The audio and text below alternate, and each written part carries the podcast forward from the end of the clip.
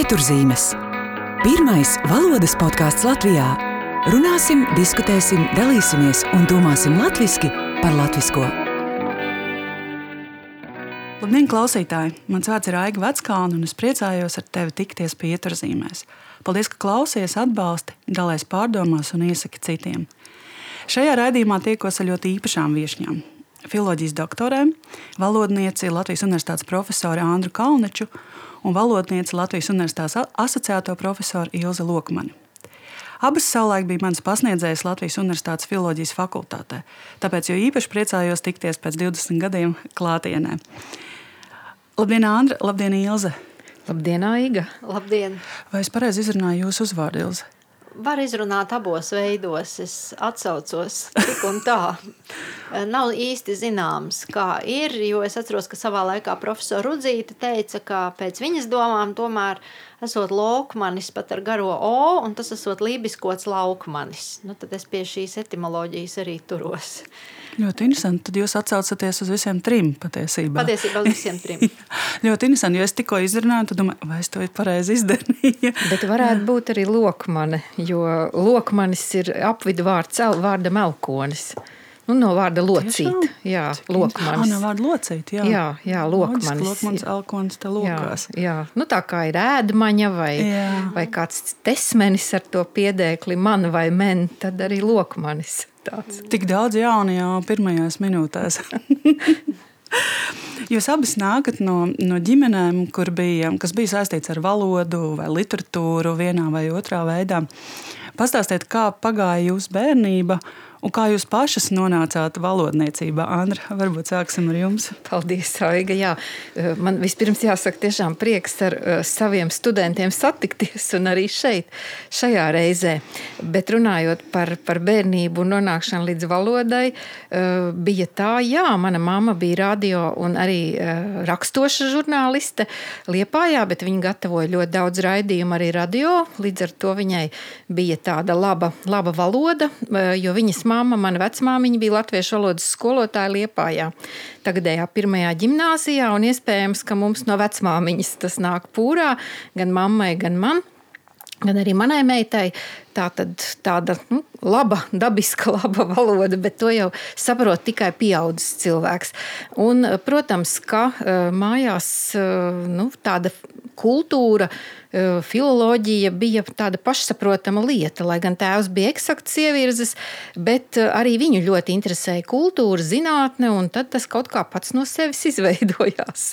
Jo arī skolā es pēkšņi sapratu, piemēram, ka valodu es nemācos, ka es vienkārši zinu latviešu valodu, man nav jāmācās, es vienkārši zinu.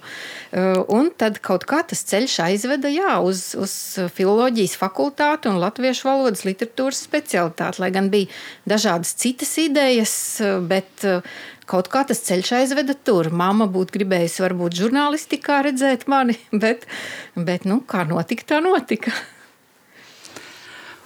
Ilze, un kā ar jums? Mani abi vecāki ir filologi. Mamma visu mūžu nostrādāja par redaktoru izdevniecībā Liesma, Un mans tētis, eh, profesors Gunārs Bībers, ir literatūras zinātnieks un teātris zinātnieks un ir strādājis gan Latvijas universitātē, vairākās fakultātēs, gan arī kultūras akadēmijā. Un es eh, augu šādā vidē jau no agras bērnības, un man tāpat kā Andrai tas likās ļoti dabiski, ka es zinu, kā ir pareizi, eh, ka man nebija nekāda problēma ar pareizu rakstīšanu un pareizu runāšanu. Un arī es varu teikt, tā vienkārši notika. Tā dabiski tas viss ievirzījās, un es jau no agras bērnības zināju, ka man patīk darboties ar valodu, man patīk arī mācīties svešvalodas. Es jūtu, ka man tas padodas un interesē, un tā es nonācu tur, kur es tagad esmu. Un vai bērnībā skolās nespēlējies ar draugiem? Spēlējāmies, protams, jā. jā. Tas jau arī protams, kaut ko rāda. jā. Um, man, um, Es atceros, tad, kad es studēju pie jums, tad neatceros precīzi tos priekšmetus. Atceros, ka pie jums bija stilistika. Ja un sintakse droši vien. No sintakse jau bija pie profesors Freimans. Freimans mm -hmm. Un Andra pie jums, kas tas varētu morfoloģija būt? Morfoloģija bija un vēsturiskā gramatika mm -hmm. šķiet, jā. jā. Un tad man likās, ka jūs esat nu, tik nu, nopietnas, ļoti zinošas, pieaugušas. Un tagad es skatos atpakaļ, un es saprotu, ka jūs jau patiesībā bijāt ļoti jaunas. 97, 98 gads. Tur šeit, ka jūs pašas bijāt tikai nesen sākušas docēt patiesībā. Man nu, dažas tā, gadus. Jā, jā, tieši tā. Jā. Kurā brīdī, un kā tas notika, ka jūs kļuvāt arī par pasniedzējām, ne tikai par filozofijas studentēm? Nu, tajā laikā, kad mēs studējām, tad pēc uh, augstskolas beigšanas uzaicināja tos studentus, kurus uzskatīja par perspektīviem šajā jomā, uzaicināja palikt un strādāt universitātē. Un tolaik bija tāds amats kā pasniedzējs stažieris. Mm. Un tādā statusā mēs abas arī bijām vienu gadu, ja nemaldos. Jā, nu, Ilze vispirms, un es nākamajā gadā. Un pēc tam uh, pievienojās Juris Grigorjevs, uh, kurš arī jūsu pasniedzējs jā, jā. bija. Jā. Un tā mēs pamazām, Ojārs Lāms arī tieši tāpat iesāka. Jā, tā mēs visi uh, apmēram vienā laikā, nu, ar nelielu dažu gadu starpību, tur visi sapulcējāmies. Jā, un kā jūs abas iedraudzējāties, jau ļoti bieži dažādās konferencēs jūs varat redzēt kopā dažādi zinātniski darbi, jums tiek arī tiek top kopā kā notika šī saikne un, un šī Pats savienība, no kā veidojās? Jāsaka. Nu, var teikt, ka darba dzīve mūs saveda kopā, jo tolaik bija tā, ka jaunos speciālistus gatavoja noteiktās jomās, neļāva pašiem neko izvēlēties. -huh. Bija noteikts, ka vajag tur, tur, tur. Man tika sintakse, kaut gan diplomu darbus rakstīja morfoloģijā. Un bet... man otrādi. Jā, es rakstīju sintaksē savu diplomu darbu, bet nonācu morfoloģijā. Nu, jā. un tā mums abām bija katrai sava gramatikas daļa, un mums neizbēgami vajadzēja sākt sadarboties, jo gramatika jau ir vienots veselums. Un, un tā tas notika. Un izrādījās, ka mēs varam tīri labi saprasties, ka mēs arī vienādi domājam par lietām, ka mēs varam kopā rakstīt darbus apspriest. Nu, arī lietas. pirms mums nebija diezgan ilgu laiku neviena jauna pasniedzēja bijis. Lidija Lēkuma šķiet bija jaunākā tajā laikā, kad mēs sākām, un tad gan mūsu katedrā, latviešu valodas, gan literatūras katedrā tieši arī tā notika, ka vajadzēja jaunus pasniedzējus, un tā mēs arī tur tāds diezgan liels pulks tā kā bijām tajā laikā. Un arī interesanti, ka mums daudziem arī apmēram līdzīgos gados atskrēja atvases, Viss notika tā kā reizē, mm. daž, ar dažu gadu starpību. Jā, tas bija tāds skaists iesākums. Un es saprotu no dažādiem avotiem, ka arī šīs atvases šobrīd darbojas valodniecībā. Mana meita darbojas, jā, viņa izstudēja japāņu valodu un kultūru, orientālistikas maģistrantūru pabeidza. Un arī pat labam māca. Nu, šobrīd viņa audzina meitiņu, bet uh, nu, redzēsim, ko mana mazmeita varbūt arī izvēlēsies filoloģiju. Jo no agras bērnības arī tādā vidē dzīvo. Bet viņa, jā, viņa māca japāņu valodu studentiem arī humanitāro zinātņu mm. fakultātē. Cik interesanti, jā, kā, kā veidojas tie ceļi. Mm. Kā arī ar jūsu zinātniskajām interesēm šobrīd? Kas, kas ir tie jūsu darbības lauki? Joprojām tie, kurus jums uzticēja pirms tā laika, vai kaut kas ir mainījies? Mm. Pamatā jā. Pamatā jā. Protams, eh, mūsu laikos Latvijas universitātē neviens docētājs nevar pastāvēt ar vienu vai diviem kursiem. Tā kā mūsu intereses ir ļoti plašas, varētu teikt. No vienas puses dzīve piespiež, bet no otras puses tas arī daudz ko ir devis. Tādu plašāku skatījumu.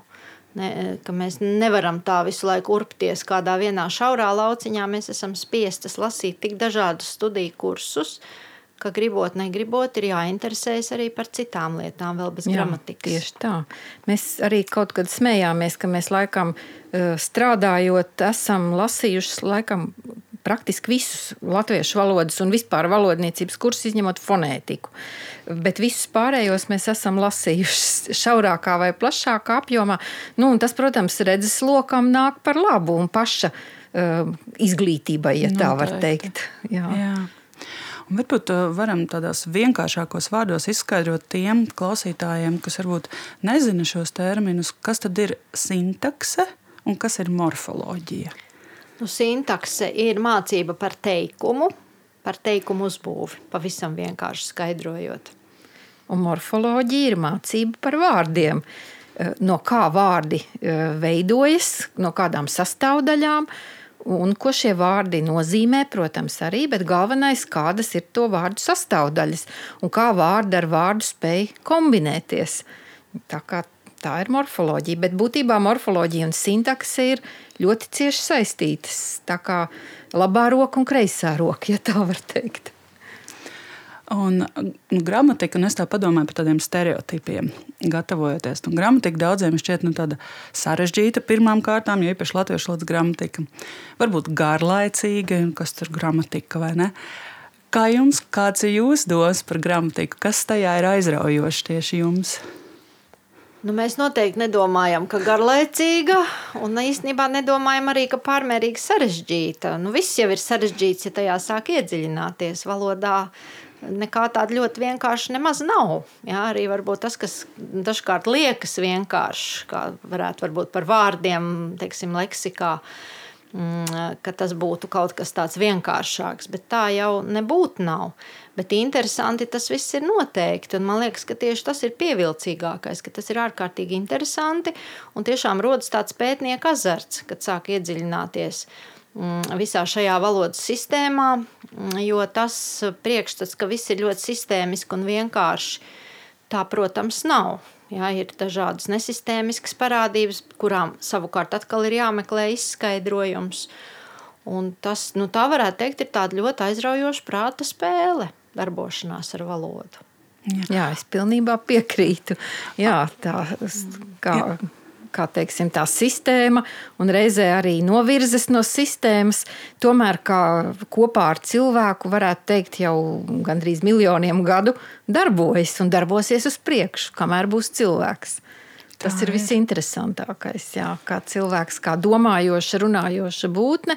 Un kā, kā teiksim, mēs katrs pats šo valodu un reizē gramatiku esam apguvuši, neapzināmies būtībā, kā mēs to esam apguvuši un lietojam, un tālāk nākamās paudzes, un atkal nākamās. Tas ir tiešām interesanti, kā, kā šī sistēma un reizē arī novirzes no sistēmas visu laiku ceļo līdzi kopā ar cilvēku. Jā. Kas ir varbūt tāds, ko atminaties, lielākais pētnieka prieks jums ir bijis kaut ko atklājot, vai kaut ko uzzinot, vai kaut kas nāk prātā? nu, tāds viens liels tagad nenāk prātā, bet ir tādi mazi prieki pa brīdim, kad tu pēkšņi saproti, ka varētu būt tā, vai izdomā, ka varētu uz šo lietu paskatīties arī pilnīgi no cita viedokļa, no cita skatu punkta. Un tad ir tā, nu, man liekas, kā jebkuram, kad kaut ko atklāja, jā, bet ir taču tā, kā es visu laiku to neredzēju, un tagad es varu papētīt vēl šajā virzienā, un tur daudz kas interesants varētu atklāties. Tā ka tādu vienu es nezinu, vai es varu tagad atcerēties, bet tādu mazu prieciņu ir daudz. Jā, tā tas ir. Jā, tiešām daudz. Un arī nebeidz izbrīnīt, tiešām jāsaka, mūsu pašu latviešu valoda.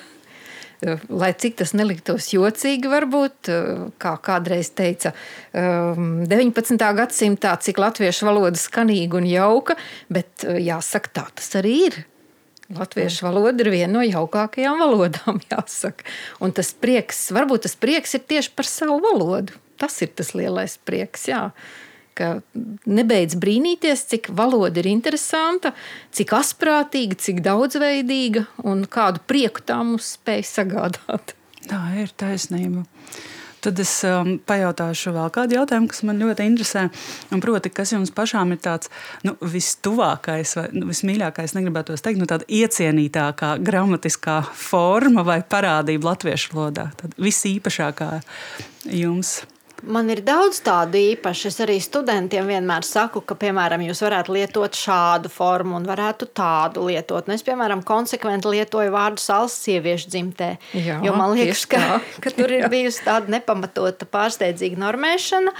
Un, ja tās svārstības bija, kad lietoja gan tā, gan tā, tad, kā mēs visi zinām no valodas kultūras teorijas, ir taču pieļaujami varianti, kas arī varēja mierīgi pastāvēt. Nu, it kā jau tie ir joprojām tie varianti. Jā. Nu, it kā, jā, jā. bet visur publiskajā telpā mēs redzam Nu, tikai jā, ir, vīriešu jā, dzimti. virsroku ņem vīriešu dzimte. Jā. Jā. Jo kādreiz bija tas dalījums, ja pareizi atceros, ka pārtikas sāls ir viņa sieviete, Jā. un tas ķīmiskais Jā. savienojums ir vīriešu dzimte. Jā, tas, jā, tā mums skolā mācīja. Jā.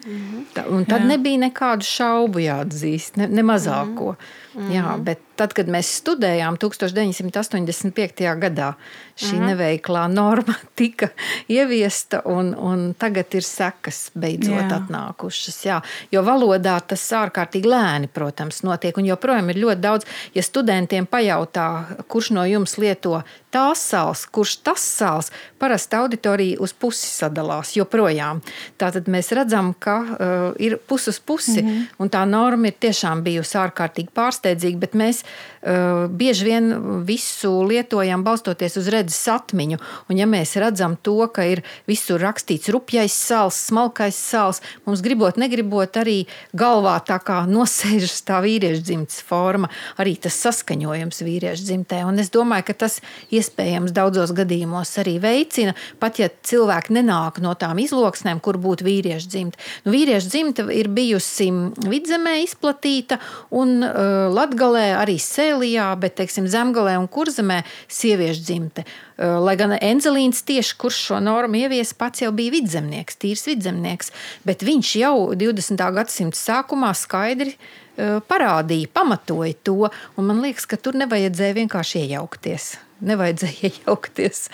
Tas ir tas gadījums, kur iejaucās varbūt nelaikā, nevietā, un, un tagad ir tās sekas, jā, un varbūt vēl paies laiks, un, un, un pamazām mazināsies to skaits, kas lieto. Kaut gan es neticu, es domāju, ka vienalga paliks tie, kas lieto sieviešu dzimtē arī.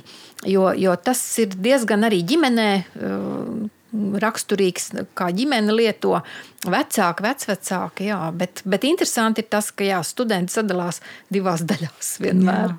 Nu, jā, protams, sāls ir ļoti ierasts vārds. Nu. Gan drīz vai katru dienu to mājās pasakām. Tā. Kas vēl, Andri, kas jums šķiet tāds, nu, tāda tuvu latviešu valodas parādība? Es pat nevaru pateikt, man viss, viss patīk. Man latviešu valodā patīk viss. Bet uh, visinteresantākais, to jau mēs arī ar kolēģi esam pētījuši, varbūt ir, uh, piemēram, vajadzības izteiksme. Tā ir viena no visinteresantākajām lietām latviešu valodā. Jā. Jo tā, tā nav analoga nevienā citā valodā. Tā ir unikāla. valodā nav tādas. Nē, nē, -hmm. nē, tā ir unikāla formu, formu sistēma un arī konstrukcija, kurai nav analogu. Tā nav aizgūta ne no viena, tai nav paraugu. To mēs, mūsu tauta, kas saka, ir radījusi pati. Jā, to es tā. nebiju zinājis. Jā. Tas kaut kā man bija paslēdzies garām. Ļoti neparasti, jā, ka tā ir, tā ir tieši latviešu valodā raksturīga jā, jā. izteiksme. Un viena no biežāk lietotajām. Jā, protams, jau jādara, ne, tas ir jāizdara. Jā. Jā. Ļoti interesanti. Ar ko vispār latviešu valodas gramatika vēl ir īpaša? Tad mums ir šī vajadzības izteiksme, kas vēl ir īpaši raksturīgs latviešu valodas gramatikai. Atstāstījuma izteiksme. Arī tā ir ļoti bijis. Jā, jā. Jā, tā ir ļoti interesanta mm -hmm. lieta. Nu, tā ir arī lietuviešu valodā, jāsaka, jā, bet latviešu valodā to lieto vairāk. Bet mm. no tāda valodu pētnieku viedokļa, pasaules valodu pētnieku viedokļa, nav daudz Eiropas valodu, kurās būtu atstāstījuma izteiksme, un tāpēc latviešu un lietuviešu valoda šai ziņā ir tā kā tāds pārsteigums. Un arī līdzīga forma ir igauņu valodā attīstījusies, un tad runā par tādu uh, Baltijas jostu no tāda tipoloģijas viedokļa, no pasaules valodnieku skatījuma, tad to sauc par Baltijas jostu. To, ka šajās trīs valodās lūk, ir pilnīgi netipiski, neparasti šāda, šāda atstāstījuma izteiksme, kas ir ļoti raksturīga Ziemeļamerikas indiāņu valodām, arī Dienvidamerikas, bet Ziemeļamerikas vairāk šķiet, jo tur tā ir arī sākta pētīt uh, vis, visplašāk. Jā. Mhm, jā, un vēl ir no gramatikas viedokļa interesanti, piemēram, tas, ka mēs ļoti plaši lietojam datīvu. Vairāk nekā mūsu radu valodu runātāji, vairāk nekā lietuviešu valodā, arī vairāk nekā krievu valodā, un mazliet citādi šis datīvs funkcionē teikumā. Un tāpēc datīvu pētot, mums nav paraugu, kur paskatīties, jo latviešu valodā tas ir citādi nekā mūsu kaimiņu valodās. Un tas arī ir interesanti. Nu, arī protams. vajadzības izteiksme. Arī ar pie datīvu. vajadzības izteiksmes. Man ir jā, jāiet. man ir jāiet, man ir jādara. Jā. Vai tā man patīk kaut kas? Jā, mm -hmm. jā jo mēs nu, esam tādi datīvi cienītāji lieli. Protams, dažkārt varbūt pārmērīgi daudz, bet eh, tas tiek lietots un būtu arī gadījumi, kur precīzāk būtu ar ģenitīva vārdkopu izteikties vai kādu citu locījumu. Bet daudz ir arī tādu gadījumu, ka tas datīvs tieši palīdz izveidot teikumu, jo ģenitīva vārdkops mēdz būt grūti iesaistāms teikumā, garas, grūti izveidojams, arī pagrūti uztveramas, bet ar datīvu ir vieglāk izteikties daudzos gadījumos. Jā, arī tā Arī nebija tas. nekad iedomājusies. Jā, tu runā valodā, un tu nemaz nepadomā par to, par to sintaktisko uzbūvi. tajā Jā, par to datīvu ir daudz šķēplausts, vai mēs to būtu aizguvuši no eh, kaimiņiem somugriem, bet te jāpiebilst, ka somugru valodās gan datīva locījuma nav. Eh, Ir, ir citi analogi ar citu mazliet funkciju, kas eh, adesīvs teikumā tiek lietots, bet īsti tomēr to pierādīt arī nevar, ka mēs būtu aizguvuši, un, um, vai arī varbūt tās ir kādas senas konstrukcijas no pavisam seniem indoeiropiešu laikiem. Šķēp tiešām lausts ir daudz, un īsti atbildes nav uz šo jautājumu. Bet katrā gadījumā, jā, latviešu valoda ar šo datīvu un datīvu konstrukcijām patiešām atšķiras no, Jā. no citām valodām. Jā. Un kā ar uzskatu, ka latviešu valodas gramatika ir viena no senākajām pasaulē, vai tas atbilst joprojām patiesībai? Nu, savā ziņā, jā, ja runājam par indoeiropiešu valodām, tad, protams, arī mums jau studiju laikā mācīja, ka baltu valodas ir saglabājušas daudz senisku iezīmju, kas citās indoeiropiešu valodās ir zudušas. Un tas arī ir viens no iemesliem, kāpēc pasaulē ir bijusi liela interese par baltu valodām un ir joprojām. Uh, Bet, ja kādreiz varbūt vairāk interesējās tieši par šo vēsturisko aspektu, tad mūsdienās jau interesējas ļoti plaši arī par mūsdienu latviešu valodu un tieši tāpat lietuviešu valodu. Un arī par to, kādi jauninājumi katrā valodā ir izveidojušies un nu, kā šī sistēma funkcionē kopumā. Jā, un kas ir, nu, ja, piemēram, varbūt morfoloģijā, sintaksē droši vien vairāk būs tādu morfoloģijā, kas ir varbūt tas vecais, vecā parādība, ko mēs varam joprojām, ko mēs joprojām izmantojam, un kas varbūt sintaksē ir tie jauninājumi, kas ir nākuši klāt. Nu, vecā parādība, protams, ir locījuma sistēma, mm -hmm. ka mums ir septiņi locījumi saglabājušies. Jo latviešu valoda pieder pie klasiskajām indoeiropiešu valodām. Jo ļoti līdzīga struktūra būs latīņu valodai, sengrieķu, sanskritam, arī ļoti bagātā darbības vārdu sistēma eh, ar, ar ļoti bagātu formu sistēmu. Tas kopumā, jā, un, un arī liels vārdšķiru klāsts, desmit vārdšķiras, eh, tas, tas viss ir, protams, jā. Un arī divdabju mums ir ļoti daudz divdabju formu, eh, vairāk nekā daudzās mūsdienu indoeiropiešu valodās, un tas arī ir mantojums no šiem senajiem eh, laikiem, kā saka. Nu, ne jau pilnīgi saglabāts, eh, protams, tā kā muzejā tāda neviena valoda mūsdienās nav. Visas kaut ko ir attīstījušas, pārveidojušas, bet latviešu un lietuviešu valoda tik tiešām ir, ir šīs senās iezīmes diezgan lielā mērā paturējušas. Nu, ne simtprocentīgi, un tas būtu dīvaini, ja tā būtu. Jā, bet, bet jā, mēs varam priecāties par to, kas mums ir saglabāts. Jā. Un kas ir jaunais, kas ir nācis klāt? Ja turpinām domu par divdabjiem, tad uh, divdabju sintaktiskais lietojums, protams, mainās. Teiksim, kādreiz varēja lietot divdabi ar dams arī kā apzīmētāju un teikt rūkdams lauva rūkdamam lauvam. Mm -hmm. Un ir mums arī zināma palīdzības biedrība trūkuma ciestdamiem igauņiem, par ko studenti arī tagad brīnās, ka divdabi ar dams varēja lietot apzīmētāju funkcijā. 19. gadsimta otrajā Vēl, pusē. Jā, jā. Nu, mūsdienās mēs tā vairs nesakām, un tāpēc to saucam par daļēji lokāmo divdabu, ka locījuma paradigma tam faktiski jau ir zudusi. Bet, piemēram, dzimte, dzimtes pretstatījums un skaitļa pretstatījums vēl ir saglabājies. Tā ka šādas pārmaiņas mēs tik tiešām varam novērot. Nu, neteiksim, varbūt vienas paudzes dzīves laikā, Bet, ja paskatāmies uz tiem avotiem, kas mums ir pieejami, kā Andra teica, 19. gadsimta otrās puses valodas faktiem, tad mēs redzam, kas ir mainījies. Būtībā jau nav tik daudz, bet Jā. ir lietas. Mm. Ir ģenitīva lietojums mainījies, jo tajā laikā, ja teikumā izteicējs bija noliegts, tad arī papildinātājs bija ģenitīvā. Es nelasu grāmatas. Tagad mēs sakām, es nelasu grāmatu. Bet uh, vēl līdz otrajam pasaules karam, vēl pēc otrā pasaules kara, trījus literatūrā mm -hmm. to var ļoti labi redzēt. Uh, un vēl joprojām arī Latvijā, protams, jā, kur tas... zemes pusē es tikšos ar viņas. À, tas ir kas cits. Tas būs jā. jau kas cits. Jā, jā. jā. Tie, tā ir kurzemnieka īpatnība, jā, jā. jā, kur uh, instrumentāli prievārds ir ģenitī, ar ģenitīvu jā. saistās. Jā, jā, jā, tā ir kurzemnieka. Tā, bet tā būs cita parādība. Tā tas, ir, tas, tas, tas gan būs aha. jauninājums. Jā. jā, jā, bet tā ir man no bērnības, protams, pazīstama forma. Jā, liepājas pusē. Jā, jā, jā, ar māsas, ar mammas, mm -hmm. jā, jā. Pieturzīmes piedāvā arī vērtīgas valodas lekcijas un konsultācijas, kas pilnveidos tava darba efektivitāti un uzņēmuma tēlu. Jūs arī piedalījāties, um, nu, kā to mēdz dēvēt, oranžās gramatikas izstrādē. Tad, tad, pirms cik gadiem tā iznāca? 2013. 2013. Jā, tad, tad, un um, tad, tad šī akadēmiskā latviešu valodas gramatika, biezā oranžā grāmata, kā to bieži vien pazīst pēc, pēc izskata studenti droši vien jo īpaši. Un tā ir ļoti īpaša gramatika, jo tā iznāca šķiet pēc vairāk nekā 50 gadu pārtraukuma. Es savulaik vēl mācījos no tās akadēmiskās gramatikas, kas bija iznākusi 50. gadu beigās. Kāpēc bija nepieciešama šī jaunā gramatika? Kāpēc nevarējām turpināt strādāt ar šo nu, jau reiz uzrakstīto gramatiku? Jūs domājat, kāpēc nevarēja ar to 59. un 61. Jā. gada?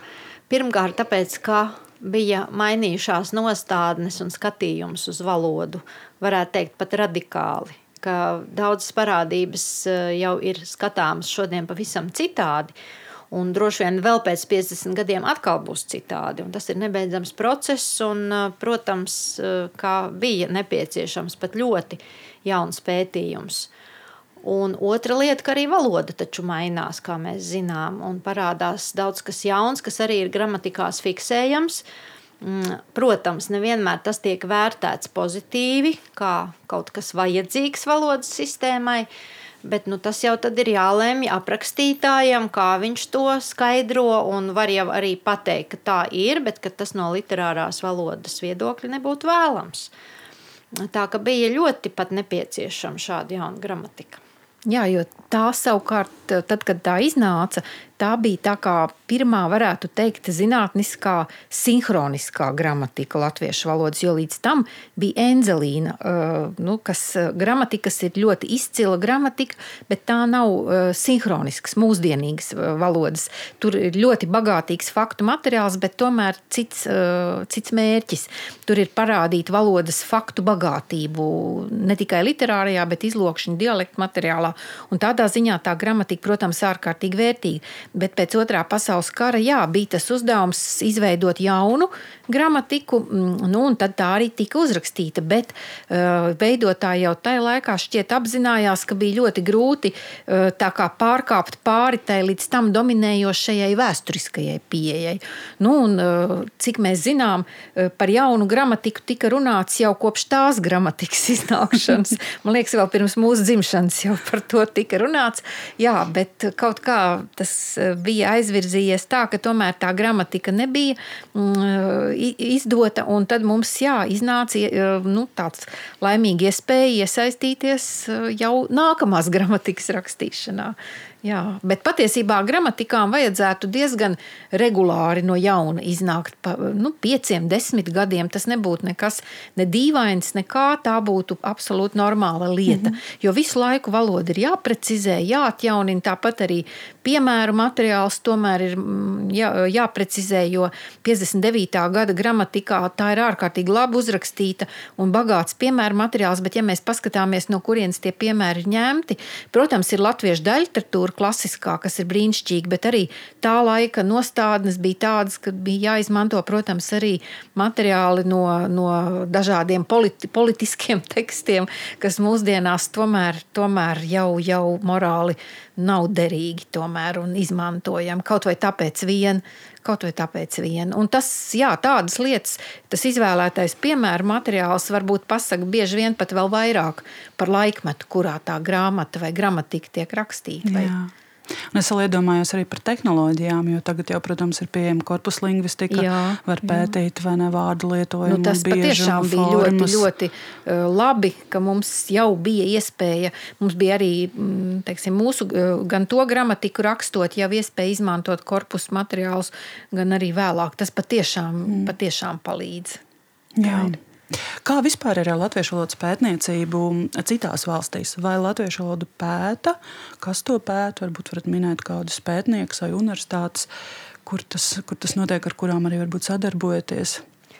Nu, protams, ka pēta. Nu, es varbūt neteikšu, ka visā pasaulē, bet tiešām daudzās valstīs pēta. Uh, Krievijā ir vairāki baltisti, plaši pazīstami, protams, ka Lietuvā, Vācijā, Čehijā, Polijā. Polijā Nu, arī Amerikā. Jā, arī Amerikā. Norvēģijā. Jā, jā ļoti ir, daudz vietu. Jā, jā. jā.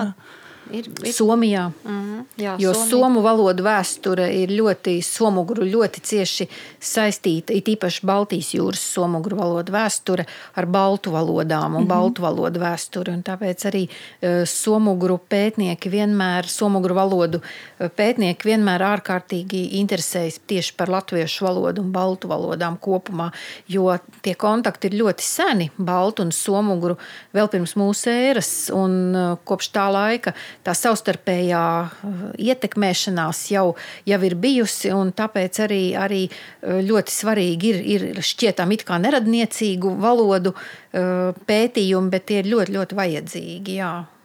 Tā kā. Un cik liela ir jauno studentu, topošo pētnieku interese par gramatikas pētījumiem, varbūt bakalaura, maģistra, doktorantūras līmenī? Interese ir bijusi un arī ir, un es nešaubos, ka būs. Uh, Eh, protams, eh, studentu tagad ir mazāk nekā bija mm, pirms kādiem gadiem, desmit. Un eh, ar to mums ir jārēķinās, ka, protams, nav vairs tik daudz, varbūt daudzveidīgs tas pētījumu lokus. Bet eh, katru gadu ir tādi, kas grib tieši gramatikā kaut ko rakstīt un pētīt, un arī ļoti interesantas, specifiskas tēmas. Studenti paši dažkārt izdomā, ko viņi gribētu pētīt. Nu, kādu piemēru? Nu, piemēram, šogad mums ir tapis eh, bakalaura darbs par eh, video spēļu anglismu gramatisko adaptēšanos latviešu valodā studente, kuras, cik es saprotu, vīrs ir aizrautīgs video spēļu spēlētājs, ir ierakstījusi spēlētāju sarunas spēles laikā. Un, protams, tur ir ļoti daudz anglismu, vairāk nekā latviešu vārdu. Un viņi ir pētījuši tieši no gramatikas viedokļa, kā tiek piešķirta dzimte, uh, Eh, kā tiek locīti šie vārdi, cik lielā mērā tie ir adaptējušies. Arī fonētikas jautājums viņi tur ir skārusi. Vai tas tiek izrunāts tā, it kā būtu latviešu vārds ar mūsu fonēmām, vai tomēr ir kāda angliska izruna. Uh, Un vispār ļoti interesants darbs ir tapis tik tiešām. Jā, izklausās tiešām pēc interesanta un nopietna darba. Cerams, ka tas būs pieejams arī akadēmijā, ka tu varbūt varēs apskatīties. Jā, nu visi bakalaura darbi ir augšuplādēti universitātes Luisas sistēmā, mm. un tur tie ir arī pieejami un apskatāmi. Jā, visi, visi, visi. bakalaura, maģistra, jā. doktora darbi, jā, tos mm -hmm. visus var arī atrast un, un izmantot. Jā, tā kā -hmm. studenti ļoti labprāt jāsaka jā. par kā, gramatikas kā ar, ar jūsu studentiem, Andra? Ko, ko jūs studenti pētat? Arī, arī dažādas interesantas lietas. Jā. Tā kā man patiešām ir prieks par to. Arī, arī pašlaik tieši arī doktora disertācija ir tapusi par priedēkļu nozīmēm latviešu valodā. Jau ir šī disertācija uzsākusi savu ceļu, ja tā var teikt, promocijas ceļu. Jā, un arī autore arī ir ārkārtīgi interesanti pētījumi par latviešu valodas priedēkļiem, arī izmantojot tādu radiālo metodi, um, tātad šos priedēkļus pētījusi, kā, kā, kā veidojas katram priedēklim šo nozīmi kopums. Jo priedēkļi visi ir ar dažādām nozīmēm. Protams, ir vietas nozīme galvenā, bet ir arī dažādas citas laika nozīmes un, un dažne dažādas. Nu, un tad viņi ar tādu met, metodi tā kā tādā staru veidā aprakstījusi, kā, kā šīs nozīmes izkārtojas, kā tās savstarpēji mijas, arī ne tikai latviešu valodas priedēkļiem, viņi ir arī skatījusies, mēģinājusi arī skatīties aizgūtu vārdu priedēkļus, kas ar tiem notiek. Nu, teiksim, mēs esam aizgūši vārdus ar latīņu vai grieķu priedēkļiem, vai tiem arī kādas nozīmes specifiskas latviešu valodā vai ne, bet, bet jā, tas arī ir tāds interesants darbs, jā, un, un tiešām ar, ar interesi veikts un balstoties arī uz korpusu materiāliem, protams, dažādiem, un, un tā kā es domāju, ka tas arī tāds jau pakāpiens, kur atkal tālāk varēs no kura kāpt atkal kur citur un skatīties, ko, ko tālāk darīt ar šo visu. Jā, jā, jo mēs priedēkļus jau lietojam būtībā intuitīvi. Mēs nedomājam līdzi, bet tiklīdz mums kādam ir jāmāca latviešu valoda, tad tūlīt aktualizējas tās nozīmes, tās kombinācijas priedēklim ar darbības vārdu un uh, igauņu. Uh, tie, kas, piemēram, kam dzimtā valoda igauņu, viņi vienmēr prasīs mums, bet kāpēc jūs lietojat to priedēkli, nevis to priedēkli? Kāpēc tajā gadījumā jūs sakāt tā un nevis tā? Jo viņiem liktos, ka, ka pilnīgi pietiktu ar vienu priedēkli, piemēram, bet kāpēc? ja klausījāties, viena no sarunām bija ar dzinieku kontru. Tas ir Igaunijas dzinieks. Viņš tieši teica, ka priedēkļi, pretekļi latviešu valodā jau viņš nu, nespēja bieži vien atšķirt grūti kā Igaunijam. Protams, protams, protams, jā. Bet mēs paši to pat nespējam tā arī paskaidrot, pat kā, kā valodnieki vienmēr, kāpēc mums tas darbības vārds ir tieši ar to priedēkli, tieši tajā kontekstā. Jo jā. tā ir tāda, jā, bet mēs valodu apgūstot paši to esam iemācījušies. Mēs runājam, bet izskaidrot citam tas ir ļoti sarežģīti. Tā ir. Jā, cik noderīgs tomēr ir šis valodas korpus. Noteikti tad ļoti daudz arī palīdzēs izprast ne, par tām priedēkļu protams, paradigmām jā. un, un visu. Tiesa. Lai gan, jā. protams, neviens korpus nav arī pietiekami, ja tā var teikt, pilnīgs. Ja? Jo ir ļoti daudz arī lietojuma gadījumu, gramatisko formu vai konstrukciju, kuru korpusā nemaz nav, tā kas ir. valodā ir pašsaprotami. Jā. Jo tā ir tomēr rakstu valoda. Jo rakstu valoda nekad nespēs aizstāt dabisku, brīvu runātu valodu tādu, nu, kur mēs runājam, nedomājot. Tā, tā varbūt ir visinteresantākā tā lieta, kā, kā mēs runājam, nedomājot, bet mēs runājam ārkārtīgi daudzveidīgi, daudz, daudzveidīgāk nekā mēs rakstām patiesībā. Tā ir. Vai jums ir arī kādreiz bijusi sadarbība ar Lindu Lauzi no Liepājas universitātes? Jo viņi tieši šķiet vairāk pēta to uh, sarunu valodas sintaksi un tās formas.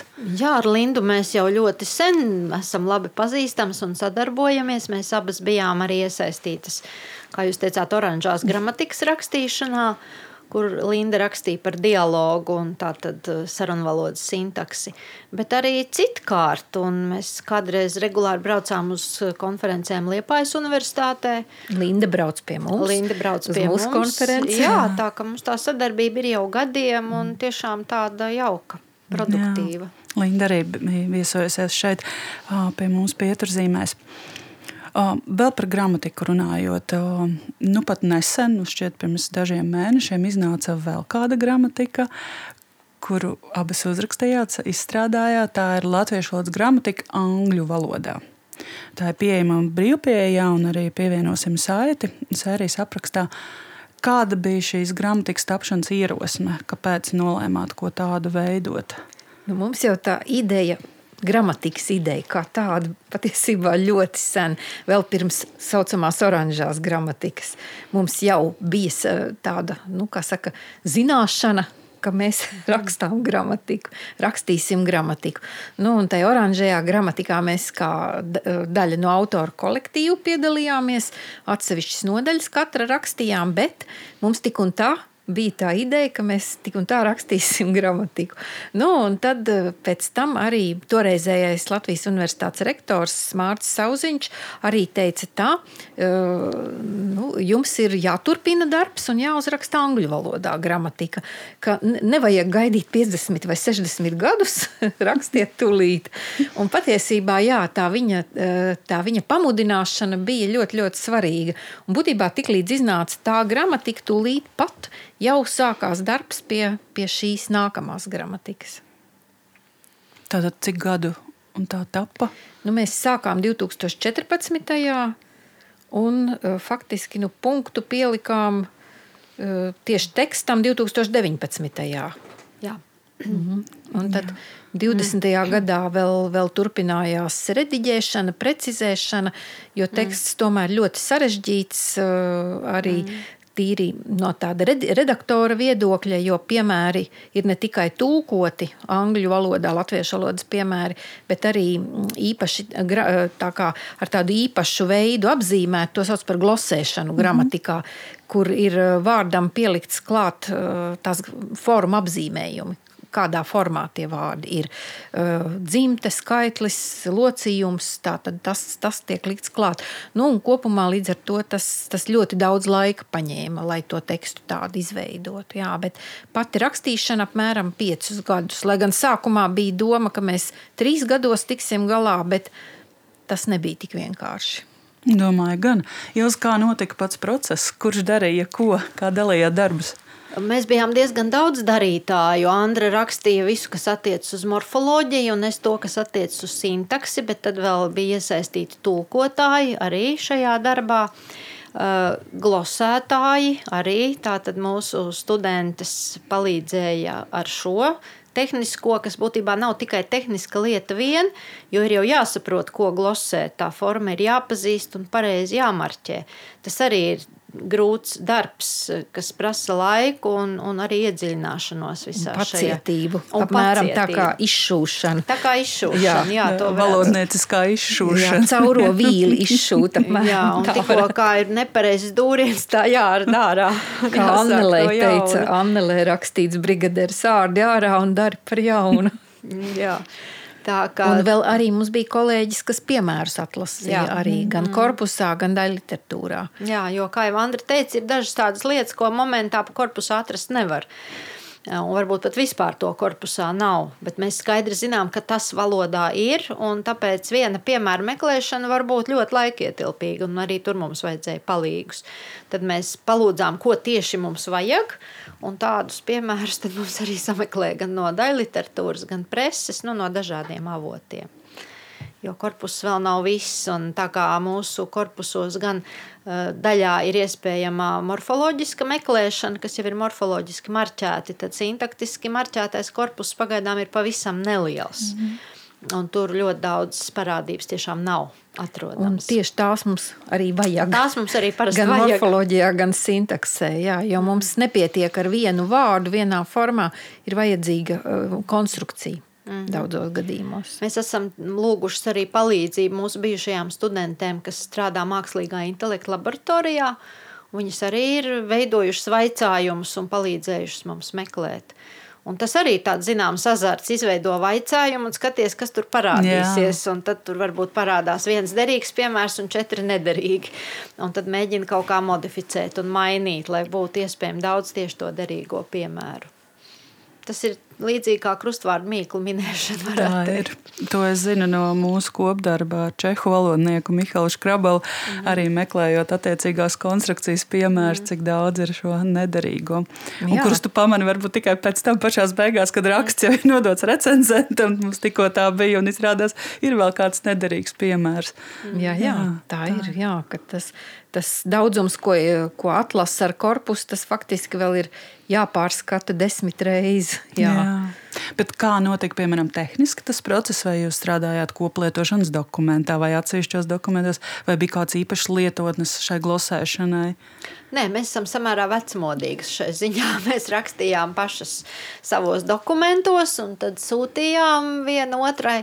Ja būtu ļoti daudz autoru, tad droši vien vajadzētu kādu šādu koplietošanas. Bet mums arī bija mm, no 2014. līdz 2017. gadam arī tā darba grupa. Mēs diezgan regulāri tikāmies un apspriedām uzrakstītos un iztulkotos gabalus, ja tā var teikt, un diskutējām kopā. Mums vēl bija arī kolēģi Ilza Rūmniece piesaistīt, kas mums palīdzēja arī vēl no tāda klasisko valodu gramatikas viedokļa ar skatu no malas, un tad mēs arī ārkārtīgi daudz diskutējām savstarpēji par, par to, ko likt, ko nelikt, kā aprakstīt, kā nerakstīt, kā, eh, kā protams, ar terminoloģiju angļu tā bija arī ļoti sarežģīta lieta.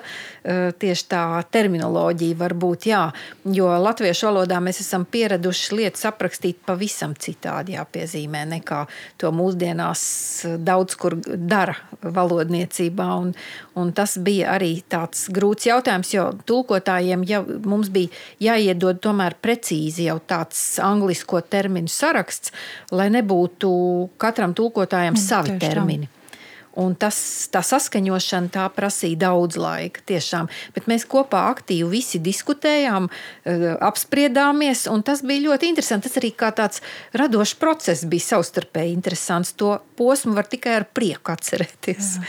Kā mēs eh, Visvalžu ielā 4A Eh, debatējām. Visbiežāk 211. auditorijā sēdējām pie ek ekrāna, eh, ieslēgts ekrāns un, un fragments kārtējais. Un, un diskutējām savstarpēji, ko un kā. Un arī prieks bija par angļu kolēģiem no anglistikas nodaļas. Viņas, nu, protams, dzimtā valoda latviešu, bet darba valoda angļu. Viņām pašām bija arī ļoti daudz atklājumu. Viņas arī nebija iedomājušās bieži vien nemaz cik daudzveidīgi un interesanti lietas tiek izteiktas latviešu valodā.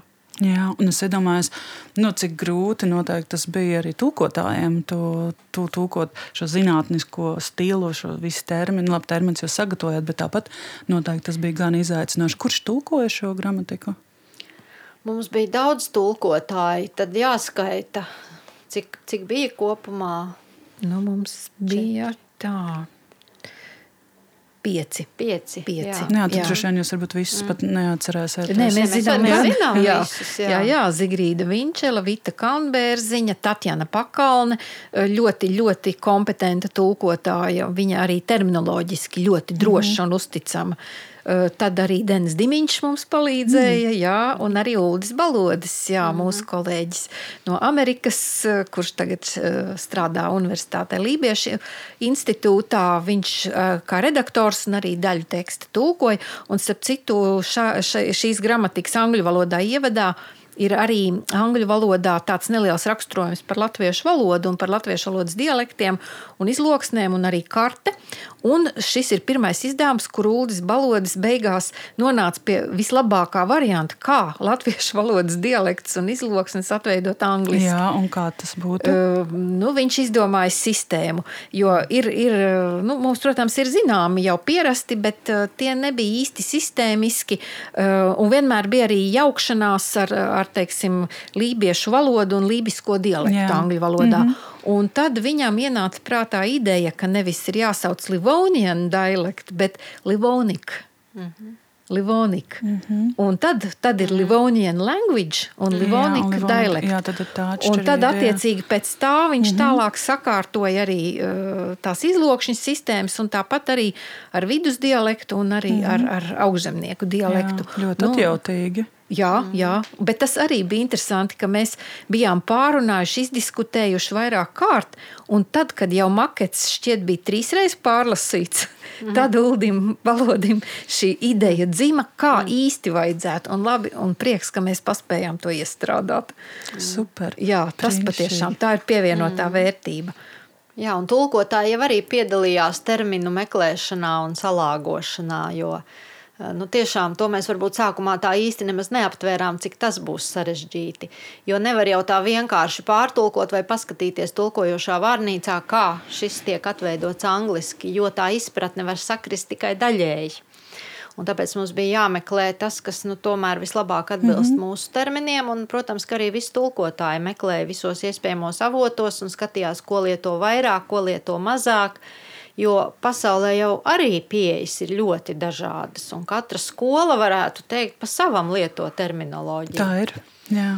Tā kā var teikt, ka šī gramatika savā ziņā arī noderēs tiem latviešu studentiem, kuri raksta savus zinātniskos darbus angliski Jā, par latviešu valodu, jo viņi tur var ieskatīties šajā aktuālajā jā, jā. terminoloģijā. Tur arī terminu rādītājs mm -hmm, beigās, jā. un arī ir uh, katram angliskajam iekavās latviskais mm -hmm, analogs. Ļoti labi. Mm. Jā, tā kā atgādinu klausītājiem, ka šo gramatiku var apskatīt brīvpieejā, tā ir internetā pieejama, mēs saiti pievienosim sērijas aprakstam. Bet kam ir paredzēta šī gramatika? Kas, kāda mērķa autorija bija jūsu prātā, kad sākāt darbu? Mērķa auditorija ir ļoti plaša. Protams, valodas apguvēji, gan diasporas valodas apguvēji, gan citautieši, kas interesējas par latviešu valodu un to mācās. Arī valodnieki, mūsu kolēģi pasaulē, jo, kā mēs tagad zinām, ir piemēram tipoloģiskā pieeja joprojām ļoti aktuāla un vienkārši skaidrojot, tas nozīmē mm, meklēt līdzīgo un atšķirīgo neradniecīgās valodās un arī tādās, kas nav bijušas savstarpējos kontaktos. Un tipologiem ir raksturīgi, ka viņi tādu ļoti plašu valodu klāstu parasti izmanto savos pētījumos un meklē piemērus un valodas parādības gramatikās. Jo neviens tipologs jau nevar būt tāds poliglots, ka viņš pārvaldītu visas tās valodas, par kurām viņš raksta. Un tāpēc neizbēgami nāks atsaukties uz gramatikām un meklēt tur šos piemērus. Un arī mūsu pašu jaunie cilvēki, kam dažkārt, diemžēl, ir vieglāk eh, runāt un domāt angliski nekā latviski. Jā, tas ir mūsdienu paradoks, jā, bet nu, tā tas ir. Tā tas ir. Tā tam nevajadzētu, protams, būt, bet tā tas ir. Bet arī, arī tie, kas mācās latviešu valodu, protams, ne, ne sākuma līmenis, ne pirmie, uh, pirmā, pirmie soļi. Tas ir tad, kad tomēr jau ir kāds priekšstats, jau zināšanas par latviešu valodu, un tad, ja ir vēlme vairāk kaut ko uzzināt, tad, protams, šo gramatiku var izmantot. Vai arī viņu skolotājiem? Jā, arī palīgs. tieši tā, tiem, kas jā. māca latviešu valodu, jā, jā citautiešiem vai arī mūsu pašu diasporai, jā. kur ir uh, mantojuma valoda saucamā, jā, kur arī diasporas uh, cilvēki bieži vien jau izglītību iegūst tomēr diasporas zemes valodā, mītnes zemes valodā, un latviešu valoda viņiem bieži vien ir jau, uh, nu, ne, neteiksim svešvaloda, bet tā saucamā, jā, mantojuma valoda. Viņiem varbūt ir zināmi latviskie jēdzieni, kādi latviski priekšstati, bet valoda ir jāmācās īpaši jāmācās. Nu, tad, tad arī jau, jau šāda gramatika, protams, arī ne sākumā, bet, bet pamazām nu, varētu būt ļoti noderīga. Jā, jo es atceros, tad, kad uh, mācīju latviešu valodu Vašingtonas Universitātē Sietlā, tad, tad bija pieejamas divas angļu gramatikas angļu valodā. Viena bija tāda senāka, uh, Atceros. Un otra bija salīdzinoši nesen iznākusi. Es neatceros autoru, bet Amazonē tā grāmata arī ir pieejama. Man ir izkritis autors. Šobrīd, iespējams, jūs droši vien tas Terēze Svilā. Uh, Svilā Nē, bija vai? kāds kungs uzrakstījis to otro, to modernāko, mūsdienīgāko, bet es vairs neatceros. Fendels? Nē. Nē, tas nebija arī Fendels. Vēl ir, tam... vēl ir tāda prauliņa. Jā, tas bija Prauliņš. Jā, jā, viņa, jā. viņa. Tā, tā bija viņa. viņa. Jā. Aha, jā, jā, nu, jā, viņai bija vīriešu dzimtajā uzvārds. Jā, tāpēc, jā, jā, jā Prauliņas gramatika. Jā, jā, tā, tā, ir, tā ir laba, protams, bet eh, tā ir eh, arī domāta tiem, kam nav nekādu mhm, zināšanu. Jā, jā tieši tā. Jā. Jā. Bet tā ir ļoti labi uzrakstīta. Bet tiešām tur mērķa auditorija ir cilvēkam, nav nekāda jā. priekšstata un kam uh, ir angļu valoda tā pamatvaloda, ko viņi izmanto. Jā. Jā. Tā kā šis tiešām brīnišķīgs, brīnišķīgs darbs. Paldies par, par paveikto. Un tiešām prieks, ka kaut kas tāds šobrīd ir, ir pieejams un aicinu studentus, jo īpaši studentus tūkošanas un tūkojuma zinātnē un valodniecībā noteikti ieskatīties šajā gramatikā. Um, kas aktuāls šobrīd? Kas ir tas, ko darāt tagad, kam gatavojaties vai ko izstrādājat? Šobrīd ir ļoti saspringts laiks, jo ir iesniegti tikko pabeigtie bakalaura un maģistra darbi, un tūlīt sāksies aizstāvēšana, un beidzas semestris, sākas eksāmenu sesija. Un divas konferences. Un tūlīt būs divas konferences, kurām vajadzēja notikt vienai Montpellier, Francijā, pagājušajā gadā. Seviļā, Spānijā, bet pagājušā gadā tās nenotika vispār, un uh, šogad notiks uh, tiešsaistē. Mm -hmm. Nebūs tādas, pie kādām mēs bijām pieraduši, bet būs šis jaunais konferenču formāts.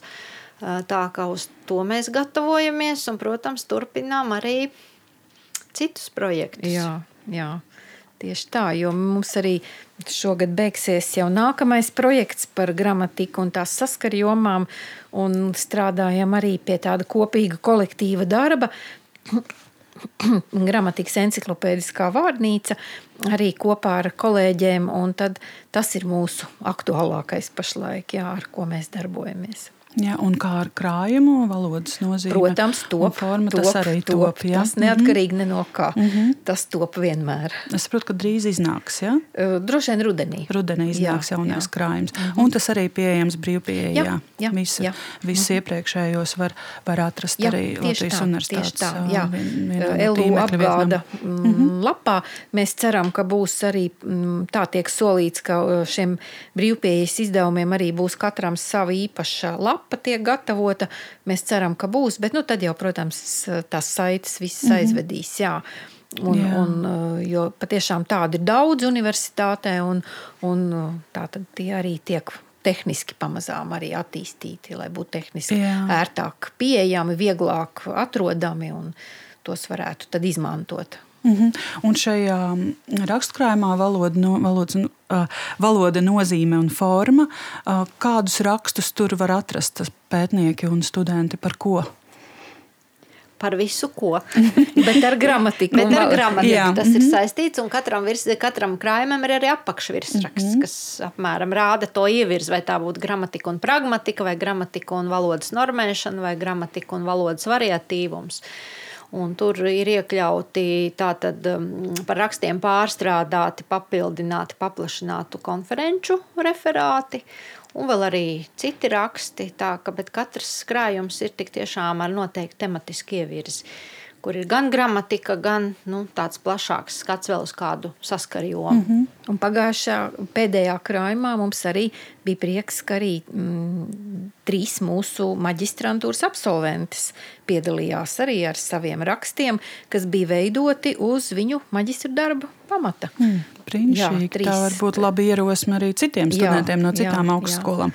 Jo tas nav ierobežots tikai Latvijas universitātes studentiem nē, un pētniekiem. Nē, nē, nē. Bet, mm -hmm. protams, tos rakstus sagatavot izrādījās daudz grūtāk nekā maģistra darbā likās. Jā, jā jo, Tā jo tāds būt. zinātnisks raksts tomēr nav maģistra darbs. Jā, visām trim nācās ļoti, ļoti daudz darba ielikt, bet galā tikām. Galā tikām. Jā, tā ir no savas pieredzes arī var teikt. Un, protams, arī recenzents strādā nedaudz citādi. Šeit recenzents patiesībā nu, katru vārdu izlasa un, un komentē. Vai ne maģistra darbā varbūt to komentāru ir nedaudz mazāk un tad vispārīgāk vairāki tie komentāri. Jā. Vai ikdienā jums atliek laiks arī daļai literatūrai? Ko lasāt, varbūt klausāties? Uh, mazliet jau atliek vakaros, droši vien pirms gulētiešanas. Uh, kaut ko labu palasīt, un mēs arī studentiem vienmēr sakām, ja viņi grib saglabāt uh, kaut cik pieņemamā līmenī savu valodas izjūtu, tad viens, varbūt vienīgais veids ir lasīt labu daļu literatūru. Es konkrēti tikko beidzu lasīt akmentiņā romānu par ezeriņu meklējot ezeriņu. Ko es tagad tālāk lasīšu, es nezinu. Bet uh, mēs dažkārt lasām arī, lai atrastu labas valodas piemērus. Tikko gribēju teikt, jā, jā no tā nevar izbēgt. Tas ir zinātniska interese ir arī, arī, lasot, arī jā, bet tas iet roku rokā starp citu. Kvalitatīvu daļtratūru iet roku rokā ar labiem piemēriem, ko var atlasīt. Tā nu tas ir, tā nu tas ir, jā. Bet, bet tiešām, jā, lasīt, tas ir tāds vaļas prieks, protams, reizēm arī arī gadās uh, ielasīties tā, ka nevar atrauties, protams. Jā, tā kā tas arī tā mēdz būt, protams. Un arī gan latviešu, gan tulkota daļliteratūra, jā, tas ir tāds prieks patiešām, jā, lasīt. Ļoti, man, piemēram, patīk lasīt ļoti Maimas Grīnbergas tulkojums, Dena Dimiņa tulkojums un Silvijas Brices, protams, jā. Dacis Meijers. Jā, jā, Dacis Meijers, jā. Man būtībā pat es, man pat vairs nav tik svarīgi tematiski, ko, mm -hmm. bet galvenais, Jā. ka ir šie tulkotāji. Es tā. zinu, ka būs izcili. Es Jā. zinu, ka es varēšu ienirt tajā grāmatā un, un, un izbaudīt. Ar, jā, izbaudīt jā. Jā, tā ir. Un vēl par grāmatām runājot, varbūt mans pēdējais jautājums ir. Ko jūs ieteiktu studentiem, pētniekiem, kurām latviešu valodas gramatikas grāmatām nu, noteikti vajadzētu būt plauktā? Nu, tāds minimums, pamatu pamats. Nu, grūti pateikt. Nu, mēs jau, protams, gribētu reklamēt savas gramatikas. Jo mums, protams, liekas, ka tur ir viss tā sistēmiski un skaisti un saprotami aprakstīts. Bet eh, ir jau daudz citu labu gramatiku arī. Nu, nevar jau teikt, ka tikai tas, ko mēs esam darījuši, kaut kam der. Jo tāpat kolēģi arī ir strādājuši un aprakstījuši varbūt vienu otru parādību citādi, bet tas jau nenozīmē, ka tas būtu sliktāk katrs pētnieks redz tā, kā viņš redz šo sistēmu. Un visām sistēmām ir arī tiesības pastāvēt. Tieši tā, tieši tā. tā kā arī mēs savas jaunākās gramatikas beigās arī tādā īsā noslēguma uh, tekstā arī rakstījām, ka tā kā Rīga nekad nav pabeigta, tā arī gramatika nekad. Un uh, mums tajā brīdī, kad rakstījām, likās tā, tagad varbūt jau ar šīm acīm mēs citādi to darītu, un kāds cits varbūt vēl citādi to darītu. Un uh, visi ir aicināti to darīt. Ka tā ir iespēja katram to Jā. darīt valodas materiāli un izpētes pietiks, lauka pietiks. Protams. Tas ir gana plašs. Jā, jā, jā. jā. Paldies, Andra Ilza, paldies, ka piekritāt, dalījāties savā stāstā ieteikumos, piemēros. Man bija ļoti interesanti un arī pat tik daudz uzzināju. Tā kā tiešām paldies par uzticēšanos un ka atnācāt šodien. Šodien runāju ar valodniecēm Andru Kalniču un Ilzu Lokmani. Vai lokmani vai lokmani? Ja? Ne, lokmani. Vai nu lokmani vai lokmani. Visbiežāk jā. saka cilvēki lokmani, jā, un es jau pie tā arī esmu. Man jau sanāca tāds. Laiks tad vai ne Ilzi lokmani vai jā. lokmani. Redījuma piezīmēs atradīs īsu pārskatu par šodienas sarunu, kā arī nodrīgi informāciju un saites. Papildu informāciju par pieturzīmēm, valodas webināriem un nākamajiem raidījumiem meklē mūsu Facebook lapā Pieturzīmes. Priecāsimies, ja tu dalīsies ar šo raidījumu, novērtēs pieturzīmes Apple podkāstu lietotnē un atbalstīs mūs kļūstot par patronu Patreon vai Baimie kofiju platformā. Mīļš paldies mūsu regulārajiem patroniem un atbalstītājiem. Iesaisties arī satura veidošanā, vai piesakies par viesi, uzrakstot mums vēstuli vai tērzējot Discord grupā. Ielūgums ir pievienots aprakstam.